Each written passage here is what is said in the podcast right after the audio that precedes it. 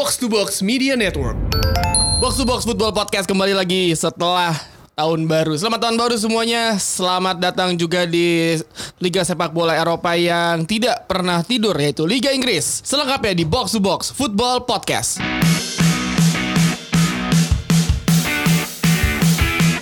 Selamat tahun baru semuanya dan selamat eh, datang juga di Box to Box Football Podcast. Kami berusaha untuk tayang seminggu dua kali walaupun tidak pernah lengkap.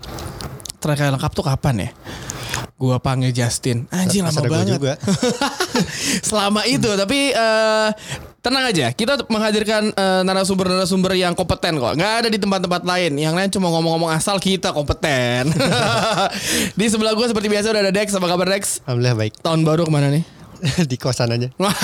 Soalnya lagi kebanjiran mana-mana. Kebanjiran gak bilang? Enggak sih, cuman di daerah kita Daerah kebanjiran, kebanjiran. jadi jadi ya nggak bisa ke mana-mana juga. Dan sebelah gue ada Rossi Ras, apa kabar Ras? Baik. Kumparan tetap kerja nih berarti nih? Yoi. Banjir nggak? Eh, sama kayak Premier League kita nggak libur. Semua juga gitu ya. Tapi eh, kan si Kumparan itu kan kantornya ada di daerah pemukiman ya. betul betul. Dan kalau gue ngeliat kan eh, datarannya agak turun ke bawah gitu ya. Itu banjir gak sih sekelilingnya? Eh, pertanyaannya pemukimannya sih nggak banjir, teman teman kantor gue tuh sempat ada air terjun mini gitu ya. Eh, dan kebetulan gue lagi ngantor, jadi gue ngeliatin wah anjir kantor gue makin keren man ada ada ter- air terjunnya. Tapi tenang, udah udah udah ini kok, udah ditanggulangi. Iya, semoga eh, pendengar box to box bisa terhibur yang mungkin lagi ngurusin banjir atau mungkin rumahnya mesti terkena banjir. Eh, tetap eh, semangat, tetap kuat. Eh, mungkin Tabah, kita hanya bisa membantu meringankan beban kalian dengan mendengarkan ocehan-ocehan kita tentang sepak bola, ya kan? Eh, tenang saja, eh, Justin eh, memang udah absen karena dia lagi di New York. New York, New York ya. habis itu ke Houston ya kan. Pangeran Siaan masih di Bali, eh, plesir ya kan. Saya doang mesti di Jakarta tapi ntar saya tinggal kalian semuanya ke Jepang. Dan di akhir pekan lalu di tanggal 1 lebih tepatnya ada pertandingan yang banyak menarik sekali. Salah satunya pertandingan yang Liverpool kalau usah dibalas yang menang terus ya. Semalam Yes. tuh baru menang ya Benar, kan. benar. Eh, Chelsea secara mengejutkan imbang. Ali Reza Jahan Bucks nggak bisa berhenti nyetak gol. gol salto, ya kan. Eh, dia kan sebelumnya nyetak gol ke gue lupa ke gawang siapa ya. Eh, yang dia nangis akhirnya iya. kan. Udah lama banget gak golin ya. Dengan nyetak gol. Sebelumnya kan dia top scorer Top divisi kan. Kan. iya. Terus dia pindah ke Brighton nyetak gol. eh, terus ada Liverpool menang 2-0 semalamnya lawan Sheffield. Udah- ini nggak usah dibahas. Iya itu cuma kasih tau doang. Bukan kita nggak bahas dalam. Eh, Ini kita buat bikin orang-orang kesel aja. Kita karena hari ini mau bahas pertandingan tim papan tengah terpanas ya kan. Soalnya se- sebelum itu Jose Mourinho kelakuannya kembali ajaib Iya. ya kan. Iya, sebelum ngebahas pertandingan terpanas di papan tengah eh, eh, tanggal 1 kemarin, Jose Mourinho apakah eh, keberuntungannya dan juga masa-masa honeymoonnya sudah eh, eh, ber- eh, sudah berakhir di Spurs gak sih? Apa emang kayak kemarin kelakuannya tuh ajaib sih menurut gua kelakuannya apa Ajaib sih nih orang? Menurut lu gimana Ras? gue gue gue kemarin ada ada ini sih ada yang ada yang menyebut Mourinho tuh lucu banget. Eh, biasanya kan siklusnya tiga musim tuh. Iya, iya. eh, bagus musim pertama, bagus kedua musim eh muncak musim kedua, musim ketiga ambruk. Ini dikompres man di Spurs. Jadi apa? Tiga, tiga minggu kali ya? Gak sampai setengah bulan, gak pakai enam bulan gitu. Udah langsung dikompres semuanya tiga musim di press gitu. Gue pikir sih, ya taktiknya dia belum ke mana-mana sih dengan Spurs itu. Banyak kok pendukung Spurs ngomong, gila ya kita nggak kayak nggak main, nggak punya tenaga, nggak punya struktur, nggak punya identitas ya. Welcome man. Selamat datang, selamat merasakan apa yang kita rasakan di musim terakhir Mourinho ya kan. Musim kedua Mourinho di MU itu menurut gua salah satu yang terbaik karena Iya, bisa iya, urutan benar, dua ya iya. kan. Eh. Kapan lagi, wih ngejar ta- title ya kan. Iya. Tapi lu pada kecewa kan? Apa? Pada kecewa gak sih? Lo kecewa gak sih MU peringkat dua? gue gue gue gue sih kecewa cuman masalahnya ya udah memaafkan lah seenggaknya ada progres cuman musim pertama kan di luar empat besar tapi dapat trofi men gitu Iya. Iya, langsung lolos Liga Champion ya kan. Dia udah bilang gue gak bisa masuk empat aja apa nggak nggak bisa masuk Big Four. Yang penting gue juara uh, Europa League ya kan. Jalur belakang. Iya juara belakang ya. Eh, musim kedua ya. Tapi di Spurs emang dia nyontek tuh kayak udah men- menunjukkan kefrustrasian dia sih. Iya, Karena di betul. awal-awal dia masuk ke Spurs, gue bilang sama lo kan Dex. Si Spurs ini timnya Mourinho banget sebenarnya kalau dilihat kan. Hmm, Eric iya, Dyer iya, lah, betul. f- eh, Victor Wanyama, eh, Son. uh, uh, Son Heung-min, Christian Eriksen, Harry Kane, Harry Kane yang dia, dia pengen banget ma- uh, banget dari pas di MU kan Eric Dyer juga. Tapi entah kenapa kayaknya emang dia tuh nggak bisa hidup tanpa Rui Faria sih. ya kan? Setelah di MU musim ketiga Rui Faria nggak ada, Iya, iya. egonya udah gak ada yang bisa ngontrol loh. Nah, bener nggak? Iya sekarang siapa pelatih Lille ya? Nah, Lil. Nah, itu juga belum sih belum kelihatan mungkin, belum cocok kali ya. Sa- Sama kalau gue lihat Spurs sih sebenarnya eh, yang belum kelihatan itu adalah efek efek dari pemasarannya ya da- Mourinho ke Spursnya itu. Mhm. Ya maksudnya kalau dari taktik oke lah mungkin mentok gitu. Cuman kalau dari pemasaran se- seba- sebaiknya Spurs bisa memanfaatkan itu sampai akhir musim seenggaknya. Seharusnya ya, karena emang ketika Mourinho masuk Spurs, semua orang pengen nonton Spurs. Gue aja pribadi Iya, pengen iya, nonton Spurs iya, ya iya, kan. benar, benar. Ada ada semangat semangat. Ada semangat, tapi ternyata Spurs tetaplah Spurs ya. Jangan pernah berharap sama klub bernama Tottenham Hotspur ya. tapi sama juga kita sebagai para fans MU jangan pernah berharap soal Manchester United ya.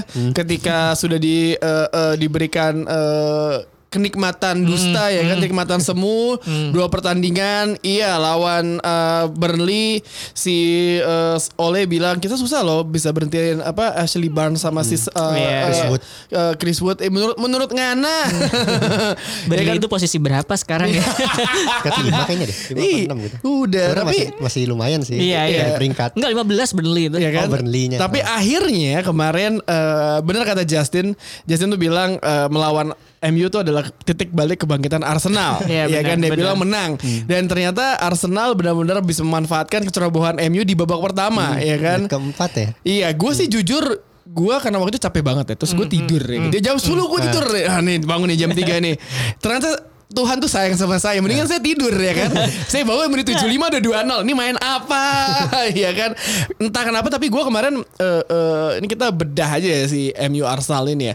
Eh, Ketika gue dengerin eh, komentarnya si Rio Ferdinand nama Robin Van Persie ya Robin kan van Dia Persie. bilang eh, Ferguson itu ketika ada Van Persie masuk Itu bilang sama Scholes, Carrick Bahkan semua pemain Lu passing ke Van Persie Lu mesti nyari Van Persie Kalau lu bisa masing dia lu bisa main Dan itu yang yang ternyata kan berapa kali Kita melihat eh, pergerakan tanpa bola Lingard Martial sama Rashford Berkali-kali bergerak Tapi nggak ada nggak ada Iya. yang ngumpan dari lini kedua Betul, kan betul. Jadi beneran kayak Pelongo di tengah Depannya udah terlihat bagus Jadi itu eh, otaknya di tengah Pelongonya jadi kesemuanya ya kan? Jadi Iya. jadi terlihat kayak sia-sia aja sih. Itu menurut gue sih kayak oh iya bener juga gue baru baru kepikiran oh iya ketika MU kan musim sebelumnya nggak juara itu kan dia kalah selisih gol. Betul. kalah selisih gol sama City kan. Eh, yang sekesal banget itu si Ferguson akhirnya datengin Van Persie. Ternyata Van Persie beneran wah disuplai suplai terus ya ternyata emang gitu caranya. Simple ya.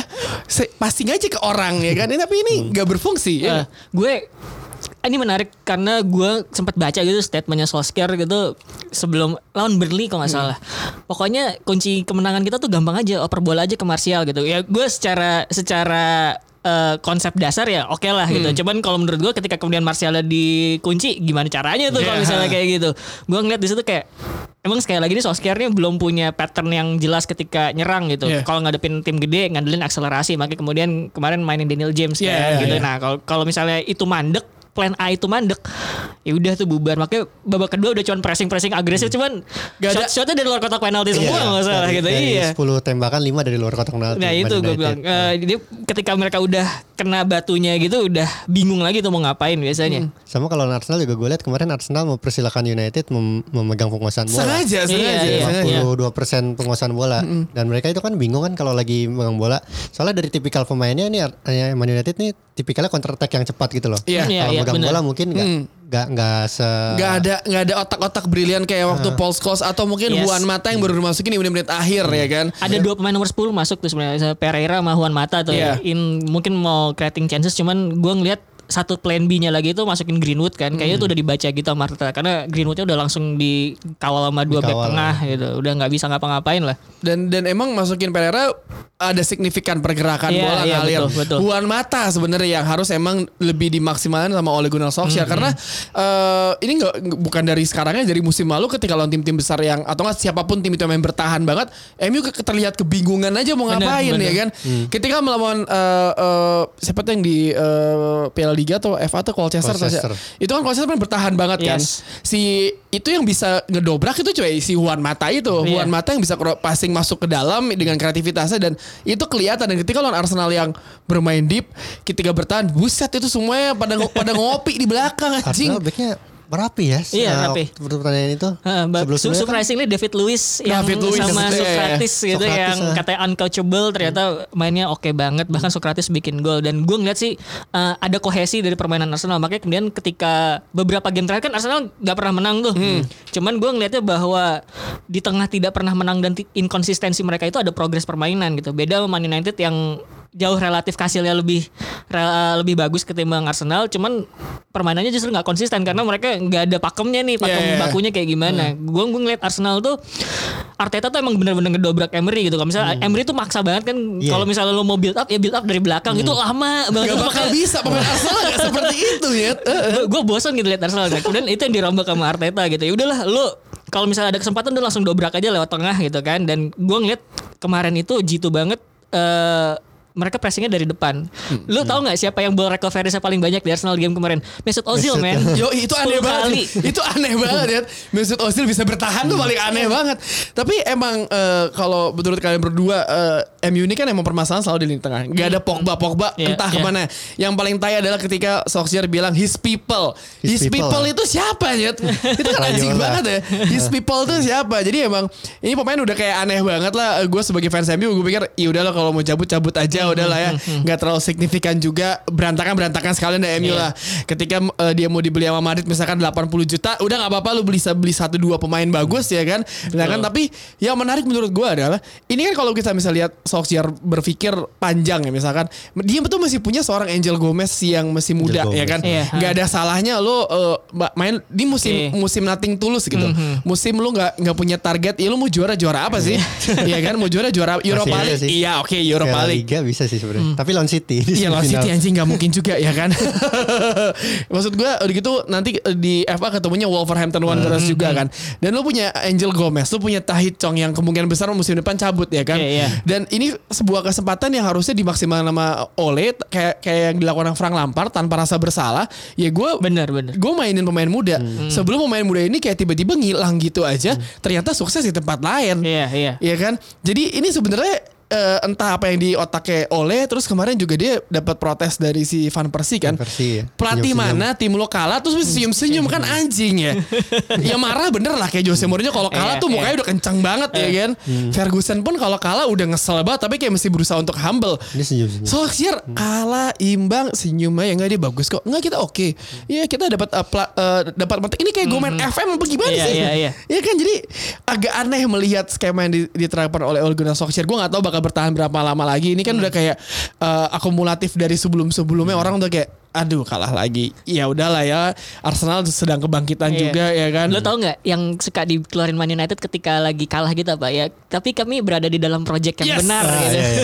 Tuh gue bete banget kalau Iya, denger enggak ya? enggak enggak cuma Man United doang ya ketika lo ngomongin project yang benar itu harusnya kan lo visi masa visi panjang itu kan lo terlihat dari misi-misi dari eh, jarak-jarak pendek Ah. gitu Iya. kan nah ya istilahnya. Nah itu yang nggak kelihatan Man United. Lo Cara main cara dulu lah. mainnya aja Ah. gimana nggak jelas gitu. project macam apa yang lo jalanin ini gitu. MU udah lewat dari Repelita loh lewat dari cara membangun lima tahun mereka udah lewat ini. Kemarin, tuh pas gue lihat uh, Arsenal lawan Man United, gue melihat semangat yang sama ketika Solskjaer pertama kali mengasuh United waktu Iya, masih iya, caretaker. iya, iya, iya. Di Arsenal cuman gue ngeliat itu. iya. Nah Arsenal lagi lagi dapat momen itu bedanya Arteta kan permanen. Kalau Solskjaer tuh kayak gitu pasti jadi caretaker gitu.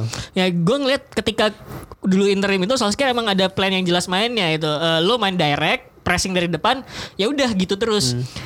Sebenarnya Lampard sama Lampard di Chelsea dan Arteta di Arsenal kan sama. Gue nggak peduli entah hasilnya gimana, tapi gue mau pakemin dulu nih main-mainnya tim gue tuh Iya, gayanya iya. kayak begini gitu. Nah itu yang kemudian nggak ada di Man United sih kalau gue bilang. Di nggak jelas kalau kita balik ke belakang zamannya Ferguson kan dia berubah kan ketika waktu Giggs Beckham sayap sayap sayap terus ya kan Dia fleksibel juga ya. Iya, Iya. fighternya itu kan si Roy Keane, Paul Scholes ya kan, eh, crossing aja duet di depan. Ketika eh, zaman Ronaldo Ronaldo Tevez Rooney 4-3-3 Yes. berubah ya kan. Dan musim-musim terakhir 4-2 4 4-2-3-1 akhirnya kan. Bahkan sempat 4-5 4-5-1 ketika melawan Real Madrid di Ber- eh, Bernabeu Iya. yang eh, Welbeck nyetak gol. Yang Phil Jones jadi di gelandang bertahan matiin Ronaldo ya kan. Dan Iya sebenarnya sefleksibel itu tapi kan lo Iya. tahu cara mainnya seperti apa kan. Gue gue sih bilang Arsenal di bawah Arteta bisa jadi salah satu ya di di di tengah musim sampai akhir Iya. bisa ngewujudin banyak orang dengan pakem ini kayak udah Mikel Guardiola lah ya ya Iya. kan udah Pep Arteta nih ya kan. Oh itu ada tuh kemarin gue baca bahwa si taktiknya Guardiola itu eh, lu pancing pemain keluar dari out of position, nanti bola di dilempar, ke Dilempar. arah yang spesial kosong itu. Itu taktiknya Pep di Bayern, men. Oh iya, iya. Ingat, itu, Itu juga bisa kayak gitu itu dibahas kalau kalian nonton ini apa namanya eh, eh, dokumenternya CCT di Amazon tuh. Iya, iya. Si Pep selalu Oh, bilang iya, ini iya. ada space ke sini, nggak mungkin nyerang sini. Iya, Oh, iya. kan goblok lu kan kasih tahu orang ya kan. di TV lagi ya kan di streaming bisa diulang-ulang ya kan. Tapi emang eh, ini udah kayak bener replikanya Pep kan. Bener, bener. Ngomongin Arteta ketika di Man City kan si Pep sering banget diskusi sama si Arteta Iya. kan. Bahkan berapa kali Arteta yang ngurusin eh, eh, ngurusin ganti, eh, ya. ruang ganti dan pertandingan. Jadi ini agak agak menarik sih ngelihat eh, Arsenal gue eh, apalagi si pemain muda si Saka itu masuk juga babak kedua ya kan. Iya. Gila menurut gue Ya harusnya kayak gitu lah si Solskjaer Iya. Sama yang dilakuin sama si Frank Lampard eh, Back kanannya yang kecil tuh Ada yang Siapa namanya lupa Gue lupa yang Reece yang- James. James, Bu- James. Bukan Iya, ada, James ada, lagi. ada lagi masuk babak kedua Oh, kecil. oh, kemarin ya? Yang kemarin Ah, ada, kemarin ada, ada, ada. Anjing ini siapa? Gue pikir nih mesti 16 tahun apa gimana ya kan. Tapi maksudnya ini yang harus dilakukan sama si Man United untuk ber- berani untuk memainkan pemain-pemain muda.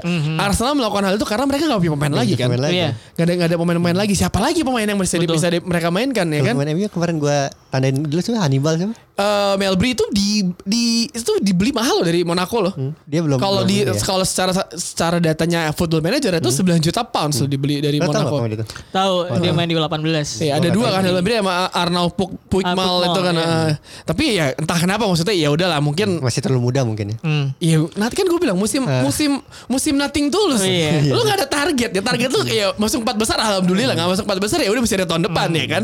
Tapi emang ketika melawan Arsenal semua orang eh, bilang Lingard useless, Lingard useless, useless. Tapi ketika gua mende- mendengar obong omongannya Van Persie, pemain-pemain yang depan itu melakukan pergerakan tanpa bola Iya, masuk ke iya. dalam dan emang gak ada support dari lini kedua, terlihat useless karena emang dia sebagai sebuah orkestra ya kan Iya. lini kedua nggak lini kedua nggak gerak ada berapa kali Lingard atau si Martial melakukan eh, gerakan fo- Betul. eh, forward ke depan nggak ada umpan sama sekali ya kan jadi agak aneh sih ngelihat ini kayak udah satu satu kesatuan bobroknya udah bareng ya kan entah kenapa Fred yang berapa pertandingan bagus tiba-tiba di pertandingan kemarin kayak Iya. oke kamu free kick kamu bagus sekali akhir pertandingan bola ke Itu atas salah satu free kick terburuk ya Fred sih. iya kan kita lihat. menurut lo sebenarnya permasalahan MU itu emang beneran ide lini tengah orang gak ada kreatif atau emang ya Juan Mata udah gak muda lagi sih tapi 31 at least lu mesti bisa memainkan dia nggak setiap pekan lah ya tapi agak aneh sih ini kayak selalu mengulangi kesalahan yang sama bener gak sih? Iya bener. Kalau gue ngeliatnya, eh ini game-game kemarin dulu ya. Kayak misalnya lo duet duetnya itu kan beneran yang bener-bener tip, tipikalnya bukan tipikal nyerang kan holdingnya itu eh, satu Fred, satu lagi, Lagi Nemanja Matic. Matic. Sebenarnya Matic itu mainnya udah lumayan sih. Gue ngeliat beberapa catatan itu dribblesnya oke, passingnya oke, itu steady banget. Cuman Iya. masalahnya dia emang match fitnessnya buruk kan. Iya. Jarang main segala macam. Jadi ketika menghadapi tim yang pressingnya gede, yang pressingnya ketat kayak Arsenal gitu, emang dia kerepotan gitu. Eh, Fred juga, gue pikir standarnya dia masih oke lah di game Arsenal kemarin. Cuman balik lagi ini emang emang Arsenalnya yang oke ngepressingnya gitu. Lu bayangin aja kalau misalnya Mesut Ozil bisa ball recover sampai Iya, 10 iya. kali, berarti kan tuh tengahnya dipampat abis gitu gitu. Jadi gue pikir emang ada faktor di Arsenal yang bagus itu juga sih gitu. Selain nggak ada emang kreator di lini tengah Man United. Iya, tapi emang iya emang butuh pemain tengah yang kreatif. Lo nggak tahu siapa pun main itu segeralah datang lah ya sebagai eh, juru kunci, juru penyelamat bagi Man United ya kan. Ngomongin Arsenal, Ozil, oh, Ozil, Ozil udah gua nggak tahu ya. Ini kayak Pencerahan kali. pencerahan ya. Yoi. Kayak lo Ozil tuh one of the best player ketika lawan MU kemarin Nah. sih.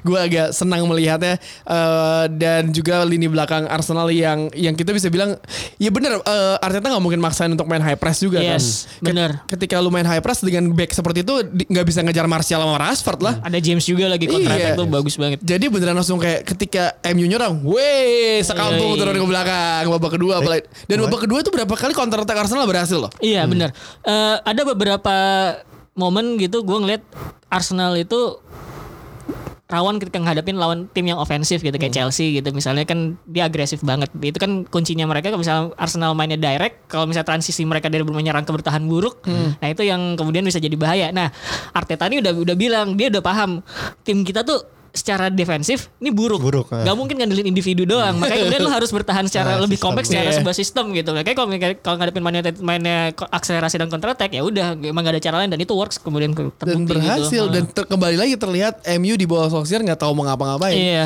Kayak anjing gue ngapain nih? Aduh gue bingung nih. Aduh gue ngapain? Gak tahu gue ngapain anjing. Kemarin juga pendukung Arsenal senang banget lihat starternya soalnya untuk pertama kali ya katanya Aubameyang, Pepe, Ozil Iya. sama Lacazette main, Main bareng. bareng, iya. Itu soalnya di, di, diwanti-wanti banget dari awal musim katanya. Hmm. Pas Pepe datang. Ini kalau berempat main menyeramkan banget nih. Dan emang itu kan kalau lihat dari lihat dari skill empat pemain yang itu punya kan, itu bisa bisa dengan counter attack Iya. yang cepat tuh kelar banget lawan-lawannya ya kan.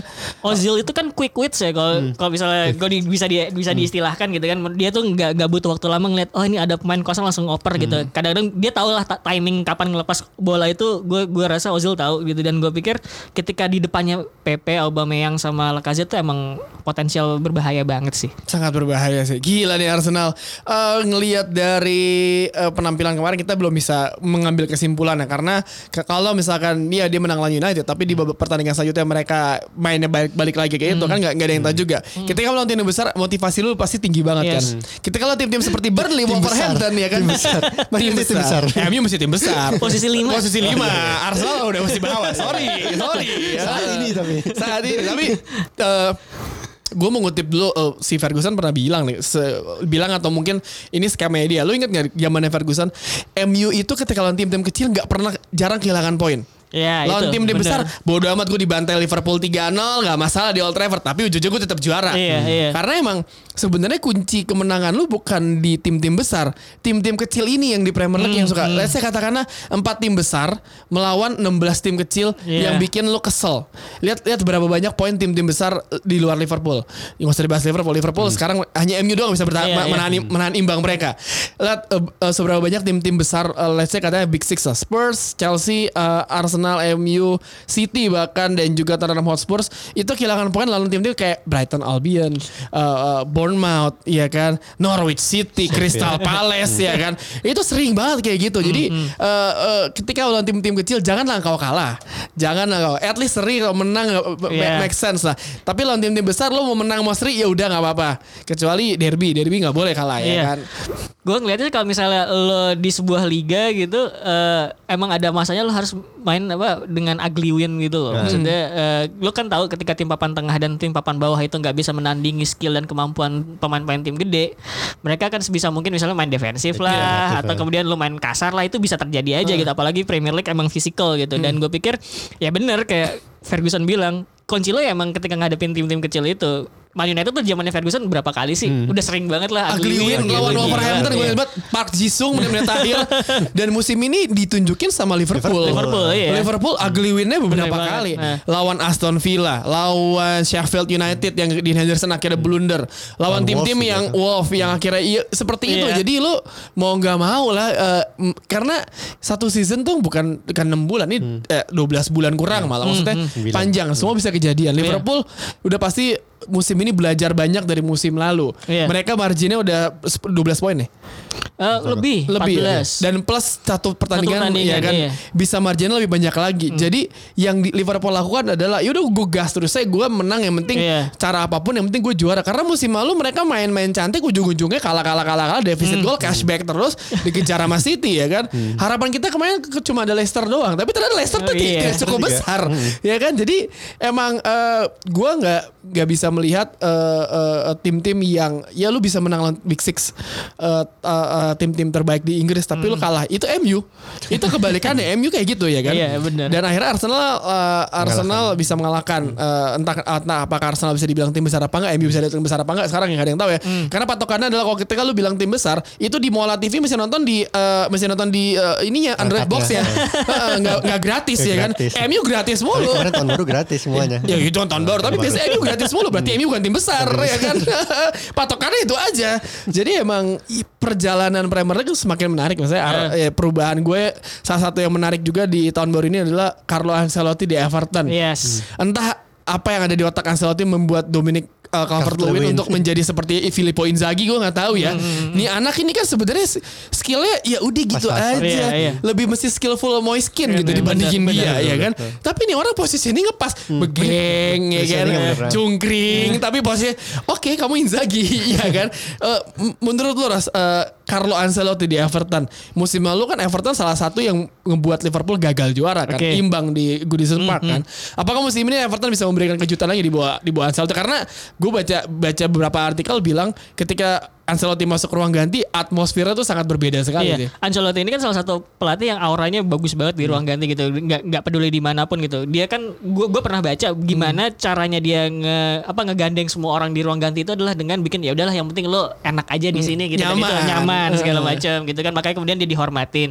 Walaupun itu jadi juga jadi kelemahannya dia kadang-kadang dia terlalu soft lah dan segala macam. Dan gue ngelihat, gue baca-baca gitu eh, perjalanan taktikalnya dia dari satu klub ke klub lain, dia tuh emang nggak pernah punya satu pakem yang saklek men entah itu di Chelsea, entah itu di Milan. Bayern. Dia cuman ngelihat apa sih yang gue punya nih? Oh kayak begini, oke gue akan maksimalin dari pemain yang gue punya. Makanya kemudian ketika ngeliat karakter Calvert Lewin yang seperti itu, oh dia mirip Inzaghi, gue bisa manfaatin kayak begini nih, kayak gitu. Dan Jangan gue pikir, dipaksa, jangan Nah, dipaksa. Dan gue pikir itu sebenarnya agak refreshing sih buat Everton. Everton ini kan dari dulu gue ngeliat eh, beberapa musim terakhir lah, Sebenarnya gak jelek ya. Eh, nggak jelek-jelek Enggak, banget. enggak. rencananya mereka itu gini men mereka mereka pengen mengunyah sesuatu yang nggak bisa mereka kunyah Hmm. gitu istilahnya gue pengen tampil ala ala Eropa daratan terus datengin Ronald Koeman gagal. terus kemudian datengin Marco Silva gagal, Hmm. Gagal. gitu. Gue pikir gue ngeliat ini pema- apa pelatih pelatih agak-agak saklek nih dengan Hmm. gaya mainnya segala macam akhirnya ujung-ujungnya diselamatin sama yang pelatih pelatih ortodoks datangnya Sam Allardyce gitu. Gue pikir Ancelotti ini perfect balance sih buat Hmm. mereka. Ya gue nggak tahu gue belum tahu ini bakal sejauh Long mana ya. ya. Walaupun gue pikir Ancelotti semestinya sih bisa manfaatin pemain yang ada. Ya at least mereka eh, bisa nge-push sampai Europa League lah. Maksudnya iya. ke Europa League dengan squad yang ada ya. Kita nggak bisa bilang Everton tuh squadnya jelek loh. Mereka punya Enggak, Richarlison, Calvert Lewin eh, eh, Siapa lagi. Michael Keane, Gylfi Iya. Sigurdsson. Bahkan kipernya kiper timnas Inggris Jordan Pickford, Pickford, ya kan? Jadi emang sebenarnya Everton tuh udah kayak apa duri dalam dagingnya Liverpool sih. Kadang-kadang suka bisa ngeselin. Tapi Ancelotti di Everton Tapi yang kembali lagi menarik adalah kembali David Moyes. Nih. Moyes ke West Ham ya. Nih, nih, Menang enggak, gue, gue, gue gue, tau gini. Jangan pernah ngomong at the wheel man. Itu tiga bulan lalu West Ham bilang at Iya, the wheel at the Ini wheel. pecat tuh. sekarang. Pellegrini. Ini udah bilang nih apa Arteta at the wheel nih. Aduh jangan mulai, jangan mulai, jangan mulai. Tapi eh, Moyes nih, kita bilang Moyes. Eh, ketika tim-tim itu udah mulai bingung, yang ada Moyes Sam Gue Allardyce. kira sama udah bakal di Enggak, pilihannya tuh cuma dua itu doang ya kan? Eh, reputasi Al- bagus. Alan Allardyce. Pardo tuh mesti nganggur Iya, juga iya, kan. iya, iya, iya. Alan Pardo dia bertiga lah itu. itu spesialis penyelamat tim degradasi anjing. Berapa kali lah Moyes tuh nyelamatin Sunderland sebelumnya kan Iya, iya. Akhirnya walaupun saya itu berantakan Betul, eh, betul. degradasi Tapi eh ini lah tipikal tim eh, pelatih-pelatih Inggris yang mungkin eh, menarik sih kalau kita bahas karena eh, pelatih di luar sana mungkin ya eh, West Ham dengan kekuatan finansialnya nggak segede itu juga. Nggak mungkin tiba-tiba dat- datengin Massimo Allegri ya kan? Laurent Blanc nggak mungkin datengin itu kan ya kan? Tiba-tiba datengin David Moyes. Emang karena emang udah nggak ada pilihan lain atau emang oke lu spesialis eh, lolos dari degradasi? Enggak, enggak spesialis juga sih. Lu lu ada spesialis pelatih pelatih yang yang yang bisa ngebuat tim ini udah main apa adanya gitu. Eh, gue ngeliat ada gue gue pernah baca bagaimana eh, tim-tim Inggris itu memang tidak bisa meninggalkan karakter aslinya gitu loh. Jadi ya pada akhirnya yang mereka cuma bisa diselamatin oleh tim-tim oleh pelatih-pelatih pelatih, karakter kayak yang iya. karakter orto- ortodoks kayak gitu. Walaupun gue ngerasa David Moyes ini kan dia kan salah satu julu- julukannya tuh ditering Dave kan. Dia terlalu kadang-kadang suka tinkering macam-macam. Wah, dikulik sampai habis gitu lah.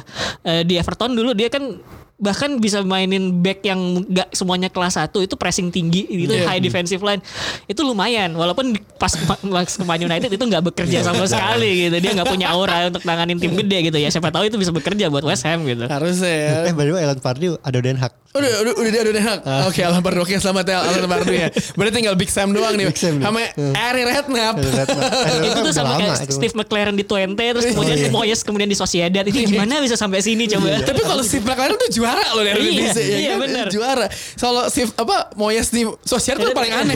Kenapa lu nyongkrong nyongkrong di sana? Oh ada yang aneh katanya. lagi Tony Adams di Granada men. Oh, itu iya, paling iya, aneh. iya. Garnaveli Valencia lah itu paling ajaib ya kan. Tapi emang tim-tim eh, pelatih-pelatih Inggris eh, sejauh ini kalau kita lihat eh, yang kualitasnya bagus, nggak ada yang sebagus itu sih. Iya. gue sih jujur sebagai fans timnas Inggris juga, eh, Gareth Southgate tuh menurut gue beruntung karena punya pemain-pemain bagus aja ya kan. Dia lagi generasi emas Inggris. Iya. generasi emas, ya kan? Bahkan sampai junior-juniornya. Eh, jadi eh, menarik sih ngelihat eh, pelatih Inggris apakah emang cuma bisa membawa timnya nggak lolos generasi. Yang menarik ada pelatih- pelatih Sheffield siapa Eddie namanya? Howe. Oh ini. Chris Wilder. Ya Chris Wilder. ah. Eh, Eddie Howe Eddie juga Howe kan. juga. Tapi Eddie Howe dengan kekuatan finansial seperti itu berapa kali ngejutin tim-tim besar kan. Jadi ya emang mungkin belum diberi kesempatan kali ya. Karena tim-tim besar itu lebih percaya dengan pelatih-pelatih ya papannya MU tuh nggak Yang mau CV-nya bagus lah istilahnya. Iya, MU nggak mau coba ini aja Big Sam. Steve Bruce. Steve Bruce gitu. Terus suara apa waktu pas oleh Gunnar Solskjaer di apa di pekerjaan dia pernah bilang itu mah gue juga bisa katanya. Tapi di Newcastle berantakan.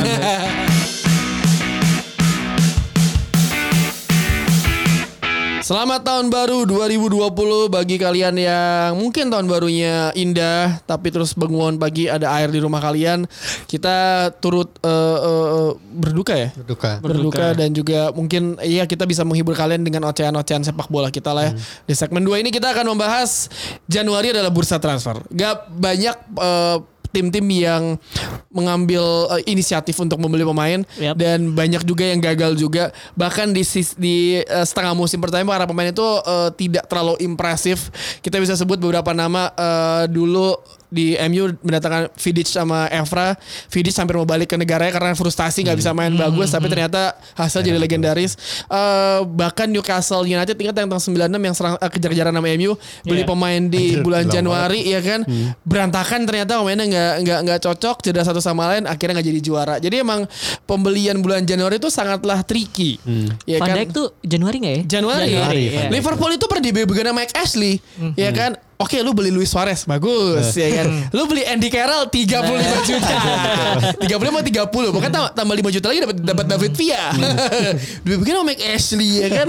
Bisa aja. Bulan Januari emang ajaib sih kalau beli pemain. Maksudnya Arsenal nih beberapa tim memang membutuhkan eh, eh, eh, Pemain-pemain tambahan di bulan Januari ya kan? Kita bisa bilang MU lah butuh pemain tengah. Mau nggak mau MJMT Mau nggak Madison. mau nggak mau tapi ah, Eh, Madison. Mana mau Madison? MU di bawah dia Madison sekarang. lagi rilis ya katanya. Gosipnya. Madison lagi rilis. Grilis ya. mungkin bisa tapi Madison ngapain? Oh tim gue di, di, di atas Iya. lu buat apa ya kan? Eh, eh, dan juga Arsenal butuh pemain belakang. Ini udah udah udah pasti banget lah Arsenal butuh pemain belakang. Eh, City gue nggak tahu City permasalahan dari awal musim pemain belakang Pemain semua belakang kan. juga. Iya. Tapi emang sangatlah tricky di bulan Januari. Tapi ternyata yang udah colong start duluan Minamino datang ke Liverpool. Ya kan? gue nggak tahu soal tuh dimainin gak sih dia? Eh di mana? Eh, Belum, belum, belum Ini kan? Piala FA baru baru baru main. Baru main Piala FA. Everton itu. Waduh menarik. Jadi kalau kita ngebahas eh, eh, pemain-pemain transfer eh, bulan Januari pasti banyak yang bagus, banyak ya banyak kan yang flop malah. Siapa sih sebenarnya yang menurut kalian eh, pemain-pemain di yang didatangkan di bulan Januari tapi yang flop? Gue sih yang Andy Carroll lah. Wah itu mah itu udah flop paling flop anjing-ancingan ya kan Andy Carroll ya kan. Tapi Andy Carroll tuh emang kasihan sih ya. Di Newcastle tuh musim setengah musim awal tuh bagus banget loh. Iya dan Iya, dia sebenarnya nggak mau cabut dari Newcastle karena keluarganya emang di sana semua Iya. gitu dan gue denger ceritanya dia agak ogah-ogahan ketika harus pindah ke Liverpool gitu dan emang terjadi terbukti nggak nggak oke sih gitu. Enggak oke karena apa entah kenapa skema yang gak cocok atau apa. Itu yang datang Kenny Douglas ya nih. Iya Kenny Dalglish. Kenny Douglas kan yang datangin eh, Andy Carroll. Siapa lagi ya? Yang yang yang Yang flop. Yang flop. Hmm, lagi. in recent years, gue anjir gue ngeliat ingetnya Liverpool mulu lagi sialan. Liverpool dulu tuh sering beli pemain bagus loh. Van Dijk gitu kan bagus karena Minamino brengsek banget 7 juta pound doang. ya. Iya, Van Dijk tuh bagus loh. Van Dijk bagus banget loh. Van Dijk ya sih. Iya kan. Eh, siapa lagi ya yang didatangin di eh, eh, Juan Mata tuh juga di Juan Iya, Mata itu langsung oke sih di itunya Moyes ya 2013 dan 2014. yang yang gue ingat ketika Juan Mata datang ke MU adalah Mourinho pinter. Dilepasnya setelah lawan lawan Chelsea. Iya, iya. Gak bawa iya. eh, lawan Chelsea dulu abis itu baru baru Lepas. terbang naik helikopter anjing. Geblek banget itu MU bawanya dibebegoin anjing. Iya kan? Eh, Arsenal dulu mid eh, nggak ada ya eh, tengah musim. Torres gimana Torres? Torres emang tengah musim ya? Torres tengah mah. Iya. Iya Torres tuh tengah. Tengah musim. Oh, ini ya, Edua- Chelsea? Eduardo ya enggak Iya, sih? iya ke Chelsea. Ah, Torres enggak, benar. Reyes deng. Reyes tuh Arsenal tuh dari Reyes kalau nggak salah. Itu tengah musim juga. Si Torres itu ke Chelsea ya tengah. Si waktu itu kan si Mourinho Iya, iya. butuhnya sebenarnya pemain belakang kan. Didatanginnya Torres ya kan. 50 juta pound. Mahal itu. Hmm. Ya Torres di zamannya Mourinho atau Ancelotti sih? Eh Torres itu enggak kayak bukan bukan zamannya Mourinho deh, Bukan kan lupa juga. Ancelotti atau si ini kan yang akhirnya iya dia cuma momen Torres di Chelsea adalah ketika dia berhasil juara Liga Champions nyetak gol di New Camp udah itu doang habis Iya, itu iya. Semifinal kan ya? Semifinal. Semifinal, Abis itu kayak Barcelona. fans Chelsea gak ada yang peduli deh sama Torres. ya kan. Shevchenko aja juga gak ada yang peduli sama di pernah pernah di eh, Chelsea ya kan. Tapi ngomongin flop ya mungkin pasti banyak banget eh, flop. Tapi mungkin kalian bisa komen di kolom eh, Instagram atau mungkin reply Twitter eh, box to box nanti. Tapi yang menarik adalah pemain-pemain yang harus pindah nih kalau mau menyelamatkan karirnya untuk bermain di Euro. Karena kan Euro semakin eh, Yes. semakin dekat nih. Ya, Dalam lagi. hitungan bulan gak kerasa loh. Ini tiba-tiba ntar udah tahun 2021 loh ya. Tiba-tiba udah Piala Dunia Qatar nih 2022 ya kan. Atau ntar tiba-tiba gitu ngeliat Indonesia kalah nih di Piala AFF ya kan. Akhir-akhir tahun nanti. Tapi emang di Euro yang tahun ini kan emang sangat berbeda lah. Eh, nggak ada host eh, nggak ada host country-nya juga. 12. Iya kan 12 Iya, 12 negara. Semifinal sama final tetap di Wembley. Entah kenapa pilihannya kenapa Wembley ya kan. iya karena met- kota metropolitan kali ya. Lengkap secara Iya. secara struktur semuanya. Daya tarik utama. Sampai Inggris nggak sampai final sih goblok aja ya kan. Tapi emang banyak pemain-pemain yang harus eh, pindah sih untuk dapat posisi Di timnas di tim nasional eh, mereka. Ada beberapa nama yang mungkin tadi Dex sudah ngasih eh, eh, daftarnya ke gue. Eh, ada beberapa ini kita tahu eh, dari Prancis ada Benjamin Mendy, Paul Pogba sama Olivier Giroud. Mendy tuh setelah cedera nggak nggak balik-balik ya Nggak balik-balik, penampilannya. ya. Main Twitter aja lah dia. Iya, karena gue inget gue gue kemarin baru nonton si dokumenternya si Siti yang di Amazon ya. Eh itu Mendy pas masuk sangat disukai sama semua pemain sama Pep loh karena Iya, emang iya. beneran dia bagus dan emang orangnya fun juga. Fun, ya. Tapi ternyata nggak sembuh-sembuh ya kan. Tapi dia juara dunia si anjing Iya, ya kan. Dia CV-nya main, ju- bagus ya. Main juga juara dunia, enggak. pre- juara Premier League gitu. CV-nya bagus aja. Gue takutnya ntar Prancis juara Euro gitu misalnya terus Mendy nggak main tuh udah selebrasi dong anjir ini kayak tanda tangan pas udah, udah datang tugas itu nggak ngumpulin tugas cuma tanda tangan doang. di Prancis tuh Olivier Giroud, Paul Pogba, Mendy. Kita tahu eh, eh, Olivier Giroud itu kan ketika di Piala Dunia, iya dia nggak dia Iya, nggak iya. dia dia nggak melepaskan tembakan. Iya dia nggak terlalu mencet dia nggak mencetak gol, tapi posisi dia adalah untuk membuka Kylian Mbappe Yes, dan Antoine betul, Griezmann betul. itu berhasil banget ya kan. Dan entah kenapa gue nggak tahu sih apakah akan tetap dibawa Didier Deschamps atau enggak. Terakhir Eh, sih masih dipakai, masih, Masih dipakai, golin. bener. dia kalaupun pindah dari Chelsea ke mana? Eh Gosipnya ke mana? Kok gue lupa. West Ham bukan sih? Iya, Gak West tahu, Ham kalau pokoknya, pokoknya kalau nggak salah itu ada salah satunya. Eh, dan gue pikir sih, Perlu nggak menurut lo? gue pikir dia pindah atau enggak masih akan dipertimbangkan untuk jadi masuk ke skemanya eh, Deschamps di Prancis. Karena sekali lagi gue gue ngeliat Giroud ini meskipun lo nggak main jadi starting eleven, dia bisa jadi plan B gitu. Bahkan dia dia role bisa macam-macam entah itu sebagai pemantau atau pembuka ruang gitu kan. Nggak semua striker number 9 bisa kayak begitu. Dan emang menarik sih misalnya eh, striker kayak dia tuh emang agak unik sih ya kan. Gak butuh gue nyetak gol. Yang penting gue udah Iya. Piala dunia ya kan. Terus ada eh, Ricardo Rodriguez dari Swiss. Ini dia permasalahan nggak kenapa sih? dipakai di AC Milan. Sama sekali gak dipakai. Sekarang tuh pakai siapa? Pemain Prancis bek kirinya? Theo Hernandez ya? Iya iya. Milan, Milan kan lagi busuk banget nih. Iya. Iya, Baru datangin Zlatan Ibrahimovic ya Dia kan. salah satu yang nggak main. Eh, Oke. Selain itu, oh ini emang mesti pindah sih Michi Batshuayi itu udah udah Iya, paling aneh sih di iya. Chelsea sih. Tapi Iya. kalau Chelsea kehilangan Giroud sama Batshuayi berarti nggak punya pelapis lagi tuh. Eh, dua, dua, Lampard. dua penyerang itu emang andalan timnas sih. Ya, La- Lampard pasti percaya sama pemain muda. Jangan jangan ragukan Lampard dengan insting pemain bocah-bocahnya, ya kan. Tapi iya kalau misalkan mungkin Lampard milih milih salah satu kali kalau mau dilepas Giroud, Atau Batshuayi. Batshuayi. Batshuayi karena gua ya ketik, ketika MU lawan Arsenal zaman dulu, ketika Giroud belum main, ketika, terus habis itu Giroud main, itu gue feeling gue wah nih orang brengsek pasti nyetak gol. Iya bener. Bener. Selalu nyetak gol karena dia postur badannya kan kekar ya. Kekar, ya. Dan positioningnya juga selalu berhasil ya kan di antara dua pemain tiba-tiba di antara dua back sejajar ada di tengah ada dia gitu kan. Tapi emang iya Lampard kalau misalkan Batshuayi dilepas dia nggak mungkin lepas Giroud sih. Mesti milih salah satu lah. Satu, Gak mungkin lo ngandalin Tammy Abraham sampai akhir musim gila kan kalau lu deadlock lo mau ganti siapa? Sebenarnya dulu sangkatan sama Tammy Abraham tuh ada Dominic Solanke kan. Iya. Dari Chelsea juga sama Patrick Bamford. Eh, Patrick Bamford. cuman Bamford dua- tuh sekarang di Leeds ya? Iya. Leeds. Di- Leeds dipinjemin apa dijual? ya? Dijual udah. Dijual lah. Produktif Solanka ya. tuh di Pendukung Leeds. Pendukung Leeds. Solanke itu di Bournemouth ya sekarang ya? Iya Di iya. Bournemouth. Udah, udah dilepas juga kan. Pas sama Liverpool. Eh Chelsea terus dia dulu mesti ada pemain dari Benjamin gak sih? Udah gak ada lagi ya? Chelsea masih masih ada Masih sih. banyak, cuman kayak striker tuh enggak, ya cuma itu doang. Morata tuh pinjemin gak sih? Enggak. Eh, ya? enggak, lepas. Lepas udah. Benjamin 2 tahun bukan sih? Itu lepas lepas Iya, langsung iya, lepas ya. semacam itu. Opsi gitu lah ya. eh, Morata nggak mungkin lah ya, Morata lagi. Morata. Enggak Tapi. Chelsea udah bisa beli pemain kan musim ini kan? Udah bisa. Udah bisa kan di, di tengah musim ini.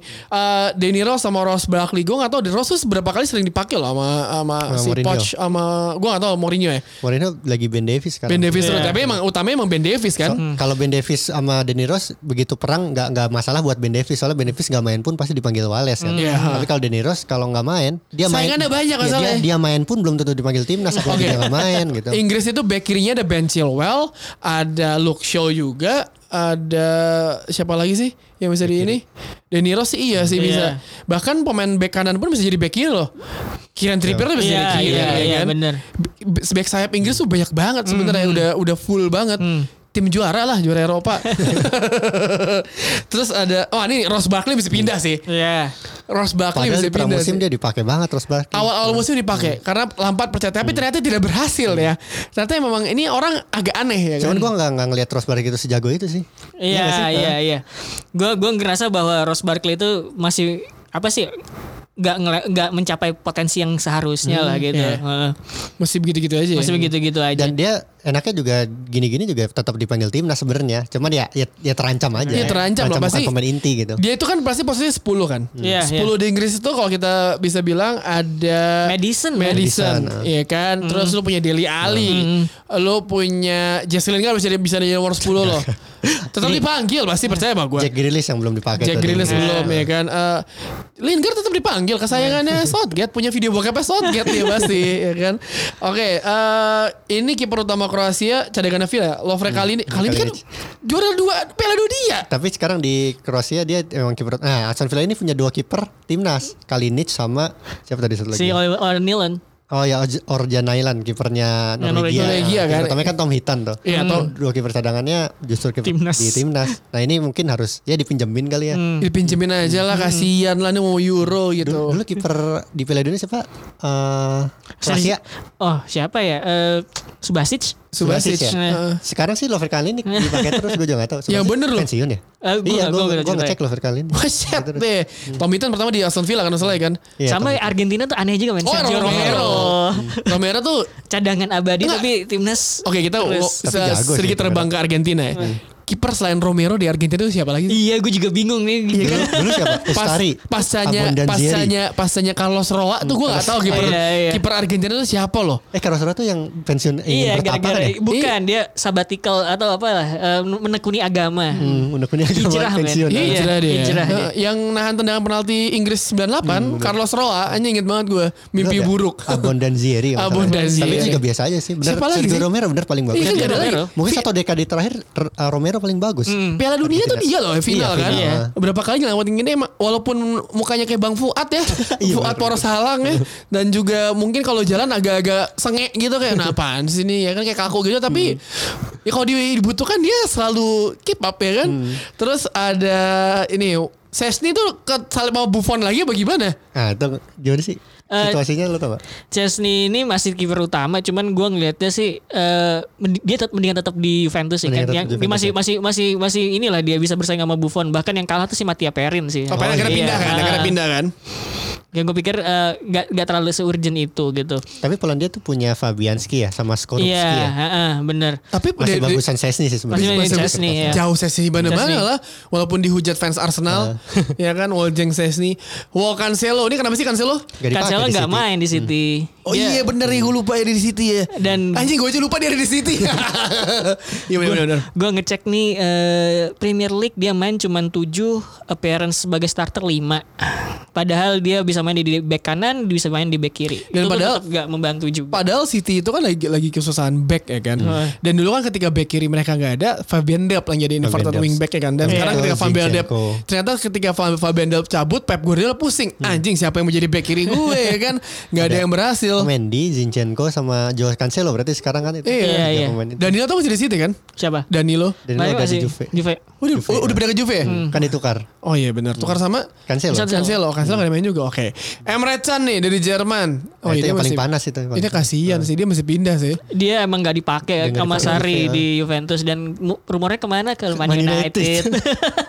Mau dipinjemin 6 bulan katanya. iya. Karena eh, kalau kita lihat lini tengah Juventus tuh ugal-ugalan loh. Ramsey dimainin gak sih? Ramsey itu masih main. Masih main. Terus gue ngeli- sempat ngeliat di Serie A si ini eh, PSG siapa namanya Andrian Rabiot. Iya itu Rabiot. masih main Rabiot juga. ada di sana. Heeh. Yang menurut gue aja adalah gue juga baru nggak ketika Keylor Navas ke PSG terus si ini kipernya Prancis ke eh, Alphonse Areola. Alphonse Iya, Areola Areola. yang orang Filipina itu Filipina. pindah pindah ke Real Madrid nih apa sih ini tukar guling nggak jelas tau nggak Kipernya lagi Courtois terus. Tapi Courtois Courtois terus, terus, iya. Areola emang udah jadi pemba eh, cadangan aja. Aneh banget karena ya mungkin karena apa sebagus itu sayang kalau dicadangin ya kan. Iya, iya. Dan tragedi fax itu akhirnya eh, membuahkan hasil kan tragedi De Gea itu kan. Iya, iya. Tapi emang iya pemain-pemain itu mau mesti pindah terus ada ini yang playoff mesti playoff ini ya. Yang tadi lu bilang eh, Orient Milannya eh, Villa Luka Jovic. Wah Jovic mesti pindah sih. Gak dipakai di Madrid. Nggak mau di, Bener di, dihibahin ke MU aja. Kalau kalau nggak dipinjemin lah gitu ya. Iya. Iya. Pinjemin. Jovic tuh musim lalu kan Frankfurt. Ih, maksudnya iya di Frankfurt dan dia dia, dia Produktif dia. ter- produktif banget kan. Yang akhirnya Zidane ngambil dia kan. Tapi ternyata mainnya sama kayak Benzema juga Zidane masih sayang sama Benzema. Dan baru Oktober dia bikin gol buat Madrid tuh. Eh, ya cukup lama sih. Lama. Dua tiga bulan ya setelah gabung. Dan dia emang ber- bermasalah juga nggak cuma di Madrid. Di gue baca itu di Frankfurt juga. enggak di timnas Serbianya juga bermasalah sama pelatihnya. kenapa? Jadi ada jadi eh, katanya itu nih orang mainnya agak males-malesan gitu dan ketika gua minta dia untuk eh, push sedikit eh, performanya dia malah cedera tapi gua nggak tahu itu cedera Malah beneran apa cedera. enggak karena empat hari kemudian dia main di Madrid katanya kayak gitu Tapi gue lihat permainan Luka Jovic waktu di Eintracht Frankfurt dia bukan malas malas dalam tanda kutip sih dia memang striker yang yang Nunggu efisi- supply, efisien. iya, iya, iya, iya. Bahasa malas tuh efisien tuh. Maksudnya geraknya tuh seadanya cuman produktif gitu. Nah, kalau di Serbia mungkin gara-gara dia nggak produktif di Madrid bilang, "Ayo kamu lebih rajin lagi gitu Iya. kali ya." Si Ser pelatih Serbianya tuh bilang ini masalahnya eh, Luka Jovic di Madrid itu bukan masalahnya siapa-siapa, masalahnya dia Masalah dia sendiri. sendiri, ya. gitu. Masalah Katanya. pribadinya eh, eh, Tapi gimana dia sih? masih muda juga sih. Ya tapi nggak maksudnya jadi pemain bola ntar kayak Rafael Morrison loh. Gagal ya kan? Heeh. jadi ya banyak lah pemain yang harus pindah ya kan? Salah satunya adalah pergilah kalau pemain-pemain itu mungkin kalau mendengarkan podcast ini segeralah pergilah ke MU karena MU membutuhkan kalian ya. Terutama pemain tengah, men. khususnya pemain tengah ya. Pemain belakang nggak usah. Itu kalau digabungin 120 juta lebih loh itu harganya. Pemain belakang pemain belakang MU loh ya kan? Iya, mahal pemain banget mahal. Pemain tengahnya ya Scott McTominay cedera panjang ya kan? Fred Yang panjang ya cederanya. 8 pekan. 8 pekan. Panjang juga. entah bohongan atau apa enggak ya kalau Pogba his people ya kan his masih people. cedera jadi ya saya bohong untuk pemain yang pindah kita menarik minat eh, transfer Januari tapi kemungkinan kejutan sih nggak terlalu banyak lah Iya, ya Harusnya iya. pinjam-pinjaman banyak. sih, Pinjam-pinjaman ya. iya. pinjem-pinjeman doang eh, yang membutuhkan pemain juga pasti City butuh pemain belakang ya kan Eh, Nico Otamendi sama John Stones nggak terlalu fit banget Kan Nandinho jadi back tengah ya di Iya. City. Untung udah Iya. beli Rodri. Rodri juga. Po- back mungkin tengah. Pep lupa dulu Roy Keane pernah jadi back tengah sama Gary Neville. Yoi. Saking back tengah MU udah kagak ada semua ya kan itu paling aneh ya kan. Tapi emang menarik sih kalau melihat bursa transfer Januari siapa yang akan dibeli pemain dan siapa yang akan uh, dijual khususnya ya kan. Uh, kalau misi gue lupa deh peraturannya. Kalau Pogba itu tiba-tiba Januari ke Madrid dia bisa main Liga Champions gak? Bisa. Udah bisa karena kan? Bisa. Dari Europa League. Udah boleh kan? Bisa. Udah boleh kan? Oh jadi Pogba pindah aja lah ya. Tukar guling tuh sama uh, Siapa? Toni Kroos lah atau siapa kayak Oh, Gareth pemain Bale. Madrid ya. Sama, sama Jovic mau. Gak apa-apa, tuh striker juga. Gak ada striker yang goal getter ya Soalnya kan. yang properti panas sudah pindah Erling Braut Haaland. ya. Iya. Udah pindah. Ke Dortmund. Halan ya udah lah ya. Rayola juga tuh agennya. Iya. Emang kampret. Ya jadi Pogba kalau pindah pindah aja lah. Segera, segera jangan lama-lama. Kasihan tuh oleh. Tapi Madrid tuh lagi milih Pogba atau Eriksen ya? Kayak kayaknya cenderung ke Eriksen ya? Iya, dia butuh kreator di lini tengah gitu. Karena, kalau Karena kalau Erikson itu gue siapa Bell tuh udah mau ke Spurs balik lagi Spurs. Iya, kan. iya, iya. Bell tuh gak mau ke MU aja.